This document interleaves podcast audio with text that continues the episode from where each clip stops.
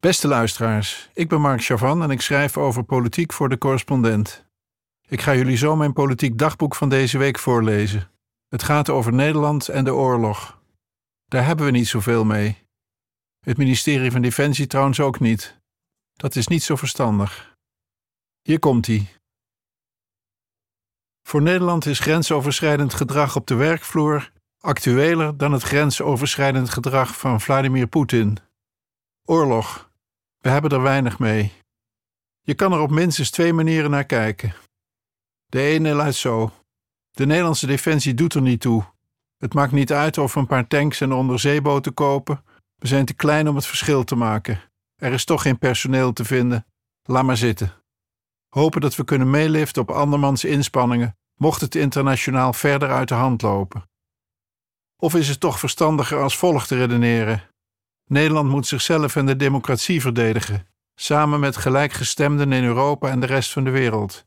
Want wie verdedigt ons als we zelf geen poten uitsteken? Dat is de keus. Die wordt tot nu toe niet gemaakt. Ja, opeenvolgende ministers zeggen dat we goed bezig zijn. Wat die NAVO van ons vraagt is maar een percentage, een cijfer. We tekenen niet bij het kruisje. Een landelijke discussie ontbreekt ook. Voor die generaals is het nooit genoeg. De Amerikaanse wapenindustrie heeft altijd honger. Het zijn gemakkelijke non-redeneringen in tijden van vrede, althans in de buurt van de EU. Maar nu komt de werkelijkheid een beetje erg dichtbij. Misschien was vrede wel nooit de normaalstand. Negen maanden oorlog in Oekraïne en we zijn er alweer aan gewend dat het allemaal heel erg is. Zij niet. Zij bevechten hun zelfstandigheid, al eeuwen, op de Russen. Voor ons zijn de prijzen omhoog geschoten, maar we hebben gelukkig een overheid die belooft de ergste klappen op te vangen. Het is weer tijd voor koopkrachtdiscussies. Oekraïne zit in het donker en in de kou en vecht door. Met steun van vooral de VS, Polen en het Verenigd Koninkrijk. De Oekraïners leren Poetin een les in vaderlandsliefde. Zij voorkomen dat hij zijn onderdanen laat doordenderen naar aangrenzende NAVO-landen. Zij vechten ook onze oorlog. In februari waren we echt geschrokken. Nederland had zijn krijgsmacht verwaarloosd, zeg maar actief afgebroken. Zonder veel discussie, want wie lobbyt er nou voor de krijgsmacht? Bezuinigingen volgden elkaar jarenlang op zonder strijd. Verwijzingen naar het vredesdividend en de financiële crisis van 2008 waren genoeg. De kabinetten Balkenende en Rutte 1 en 2 lieten een uitgeklede krijgsmacht achter. Van 116 terug naar 0 tanks en de hele marine luchtvaartdienst opgeheven. 6000 man en vrouw eruit. Nederland schafte de landmacht vrijwel af. Een klassieke oorlog in Europa, dat was voorgoed voorbij. We zouden de wereldvrede dienen, ver van huis. In defensienota's werd desondanks hoog opgegeven van de modernisering van de Nederlandse militaire beschikbaarheid. Lean and mean, inzetbaar in het hoogste geweldspectrum. Maar o oh jee, als we wat langer in Oeruzgan moeten blijven, dan krijgen we gebrek aan alles. Straaljagers worden in de lucht gehouden met onderdelen van andere straaljagers. De piloten hebben alleen niet genoeg trainingsminuten om voldoende te kunnen oefenen. En als we Patriot luchtverdedigingseenheden in Slowakije stationeren, dan kan dat maar voor zes maanden. De marine houdt schepen aan de kant, puur door gebrek aan personeel en middelen. Een mijnenjager is uit de vaart genomen. Onderhoud aan de M-fregatten is uitgesteld tot eind 2023 en ze zijn pas in 2025 weer beschikbaar. De helikoptervloot is verminderd inzetbaar, enzovoort, enzovoort. In de Tweede Kamer is defensie bij veel fracties geen onderwerp om je mee in het vizier te spelen. Op een enkeling na, met name van de SGP, gaf niemand de afgelopen 10, 20 jaar stem aan wat professionals in de krijgsmacht ondanks hun ingebakken loyaliteit, steeds duidelijker lieten horen. Het is onverantwoord mannen en vrouwen in uniform zo het veld in te sturen. Zonder munitie, zonder rugdekking en zonder het materieel dat past bij wat in theorie onze strategie is. Den Haag vergadert al jaren over de vervanging van onze vier verouderde onderzeeboten. Ze zijn nog niet besteld. Toen de verzamelde bevelhebbers van de Nederlandse strijdkrachten in 2021 eindelijk hun verlegenheid overwonnen en openlijk uitspraken dat zij zich schamen tegenover de NAVO-bondgenoten, bleef het adembenemend stil. Het was geen nieuws in Nederland. En toen viel Poetin Oekraïne binnen. Dramatisch, hoewel voorspeld sinds de annexatie van de Krim in 2014 en andere delen van Oekraïne, Georgië en Moldavië. Acht jaar later, op 24 februari 2022, kwam pas het Eureka-moment voor velen in Europa. Duitslands kanselier Scholz sprak van de wisseling van een tijdperk en beloofde 100 miljard extra om de militaire achterstanden in te halen. Nederland verhoogde het defensiebudget structureel met 40% ten opzichte van 2022. Duitsland en Nederland leven de gasrotonde, hadden zich jaren in Gazproms web laten spinnen. Handel zou zorgen voor vrede en begrip, was de veronderstelling, gedragen door korte termijn eigenbelang. Oud-bondskanselier Merkel heeft er nog geen spijt over betuigd, ook niet in haar recente tweede vraaggesprek sinds zij een jaar geleden aftrad.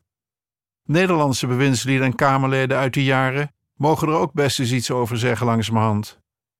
Handel garandeerde in het geval van Russisch gas vooral afhankelijkheid. Nederland werd in februari wakker, leek het. Een week na de inval was 75% van de bevolking voor het opschroeven van de defensieuitgaven. Rutte 3 had het land tijdens COVID getroost met vrijwel onbeperkt geld. De coalitiepartners in Rutte 4 waren het over weinig eens. Al onderhandelend dempten zij hun meningsverschillen in sloten toekomstgeld. Toen de volgende crisis zich aandiende, was iedereen gewend aan de geldspuit. Dus een energieplafond dat zo tussen de 15 en 20 miljard kan kosten.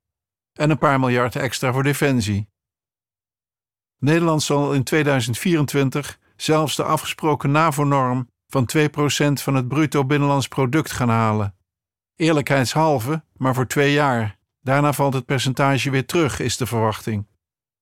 Reden voor SGP, CDA en VVD om voor te stellen die 2% als ondergrens voor de defensieuitgaven wettelijk vast te leggen. Minister Kajsa Ollongren, D66, en het kabinet zijn er niet voor. Bij de recente begrotingsbehandeling verdedigde zij dat standpunt door te zeggen dat het land toch wel beseft dat de defensie betaald moet worden, ook als het minder spannend is in de wereld. De recente geschiedenis bewijst het tegendeel. Haar gedachtegang was: we moeten die 2% van het bruto binnenlands product niet vastleggen in de wet. Waar het om gaat is stabiele voeding van de begroting. We hebben immers een NAVO-verplichting om die 2% te halen. Als we de opgelopen achterstanden pas wegwerken als het oorlog is, is het te laat. En overigens is het nog een hele opgave om al dat geld uit te geven. Een mooi voorbeeld van een cirkelredenering als je het mij vraagt. Alleen de SGP trapte er niet in. Op peil houden dus die uitgaven, zou je zeggen. Dat is goedkoper en rendabeler. De Algemene Rekenkamer heeft berekend hoeveel geld bijvoorbeeld is weggegooid door alle Leopard-tanks tegen afbraakprijzen van de hand te doen en daarna weer terug te leasen van Duitsland. De pendule investeren, bezuinigen, investeren, bezuinigen heeft alleen maar bezwaren. Den Haag zal wel druk zijn de weg voorwaarts nu te plannen, verwacht je. Nou nee. In het verkeer tussen de Kamer en de minister ging het dit najaar weer eens over informatie die de minister zou hebben achtergehouden. In dit geval de tweejaarlijkse NAVO-analyse van de Nederlandse bijdrage aan het bondgenootschap. In september zei de minister nog dat Nederland een goed rapportcijfer had gekregen voor gemaakte vorderingen. Maar het stuk was nog niet definitief, dus geheim. In november bleek dat de ministers van de medelidstaten en de NAVO als geheel er flink de pest in hebben dat Nederland mooie praatjes houdt over zijn gestegen defensieuitgaven, vooral aan spullen, maar de gevaren aan de bondgenoten overlaat. Op het gebied van burden sharing, geld, halen we de achterstanden in, maar vooral bij de landmacht laten we de risk sharing, militairen in de vuurlinie plaatsen, graag bij anderen rusten. Het grootste concrete geschil gaat over de drie Nederlandse landmachtbrigades, die mensen en middelen missen en helemaal afhankelijk zijn van samenwerking met de Duitsers. Hun gereedheid en inzetbaarheid is dramatisch. Weinig munitie, een gebrek aan vuurdekking en logistieke ondersteuning. Te weinig medische verzorging en ga ze maar door. Ze voldoen op geen enkele manier aan NAVO-afspraken. Verschillende Kamerleden, vooral Fritsma van de PVV en Boswijk van het CDA, hadden dat graag eerder van de minister gehoord om de gemaakte keuzes voor bijvoorbeeld extra F-35 straaljagers tijdig en beter te kunnen beoordelen. Minister Ollongren ontkende bewust informatie te hebben achtergehouden, maar gaf toe dat Nederland ervoor heeft gekozen het oneens te zijn met de NAVO-planning en alle kaarten op samenwerking met Duitsland zet, voorbijgaand aan binnen de NAVO gemaakte afspraken. De NAVO-analyse concludeert, ik citeer, de slagvaardigheid en het doorzettingsvermogen van de Nederlandse landstrijdkrachten blijven uiterst beperkt, vooral in een scenario waarbij de snelheid en intensiteit maximaal zijn. Einde citaat. Kortom, als het recht op aankomt op ons eigen continent, dan roept Nederland pief, paf, poef en hoopt dat anderen hun zaakjes beter voor elkaar hebben. De minister zei half november bij de begrotingsbehandeling: Ik citeer: De NAVO constateert inderdaad dat we op het punt van de Medium en Heavy Infantry Brigade geen invulling geven. Meer dan dat is er eigenlijk niet over te zeggen. Einde citaat. Oh nee, de Duitse landmacht, waar we zo op leunen, heeft genoeg munitie om een echte oorlog twee dagen vol te houden. Er is dus wel wat meer over te zeggen en vooral te doen. De Kamer als geheel had er geen weerwoord op. Niemand gaf een bredere schets van hoe Nederland zich zo goed mogelijk kan verdedigen tegen wat autocraten nog in petto hebben voor ons. Welke keuzes er onvermijdelijk zijn en welke zij zouden maken. In lijn met de minister-president hielden de meesten het liever klein. En de minister? Zij bleef opgewekt uitdragen hoe groot de vorderingen zijn, waarvan de NAVO zegt, ik citeer nogmaals, NATO and Dutch defense planning priorities remain, in practice, not particularly well aligned. De planningprioriteiten van de NAVO en die van Nederland lopen nogal uit elkaar. Dat is een keurig geformuleerd, maar dodelijk oordeel van de samenwerkingsorganisatie waar Nederland zijn hele verdediging aan heeft opgehangen. Geen constatering waarna je overgaat tot de orde van de dag. Met deze opstelling verraadt Ollongren dat ze op het ministerie is omgeven door niet-militairen. De laatste twintig jaar is Defensie steeds meer een ministerie als alle anderen geworden, met rolerende hoofdambtenaren die iedere drie tot vijf jaar naar een ander onderwerp op een ander ministerie verhuizen.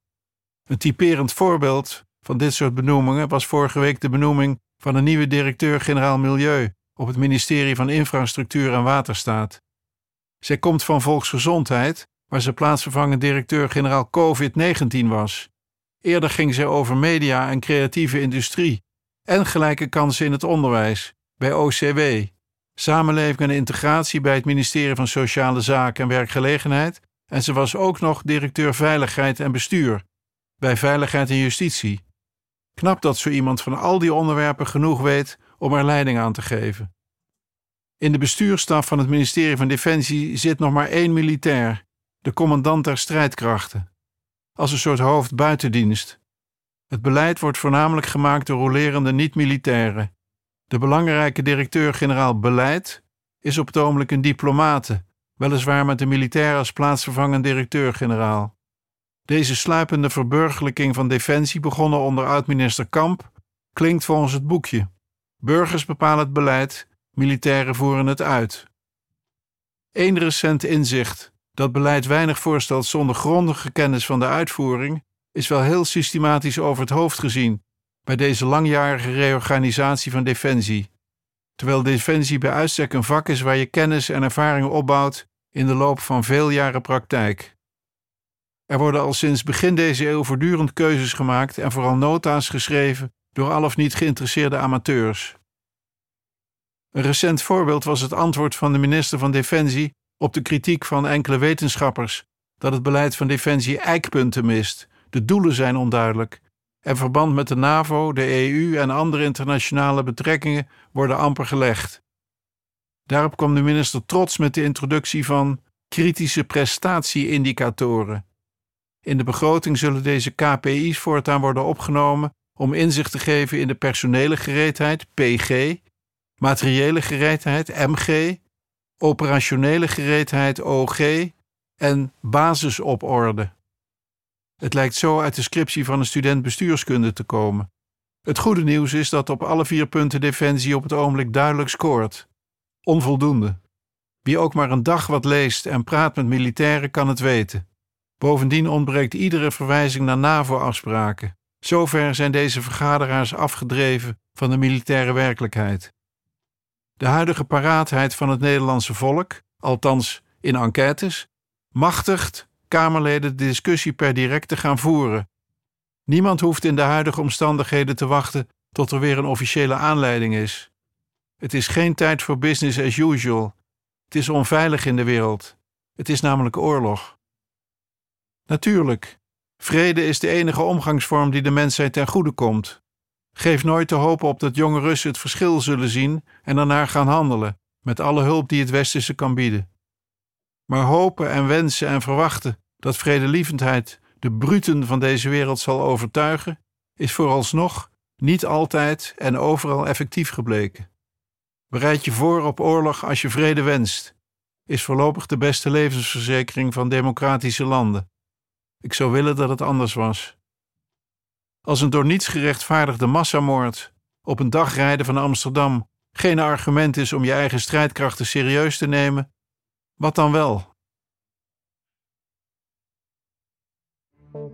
Het is de missie van de correspondent om voorbij de waan van de dag te gaan. Onze correspondenten voorzien het nieuws van context en schrijven over de grote thema's van deze tijd. De correspondent geeft me de vrijheid om mijn nieuwsgierigheid te volgen en de tijd om verhalen te schrijven. En zo probeer ik onzichtbare structuren zichtbaar te maken en een andere kijk te bieden op debatten die het nieuws domineren. Dan gaat het minder over het spelletje en veel meer over wat er op het spel staat.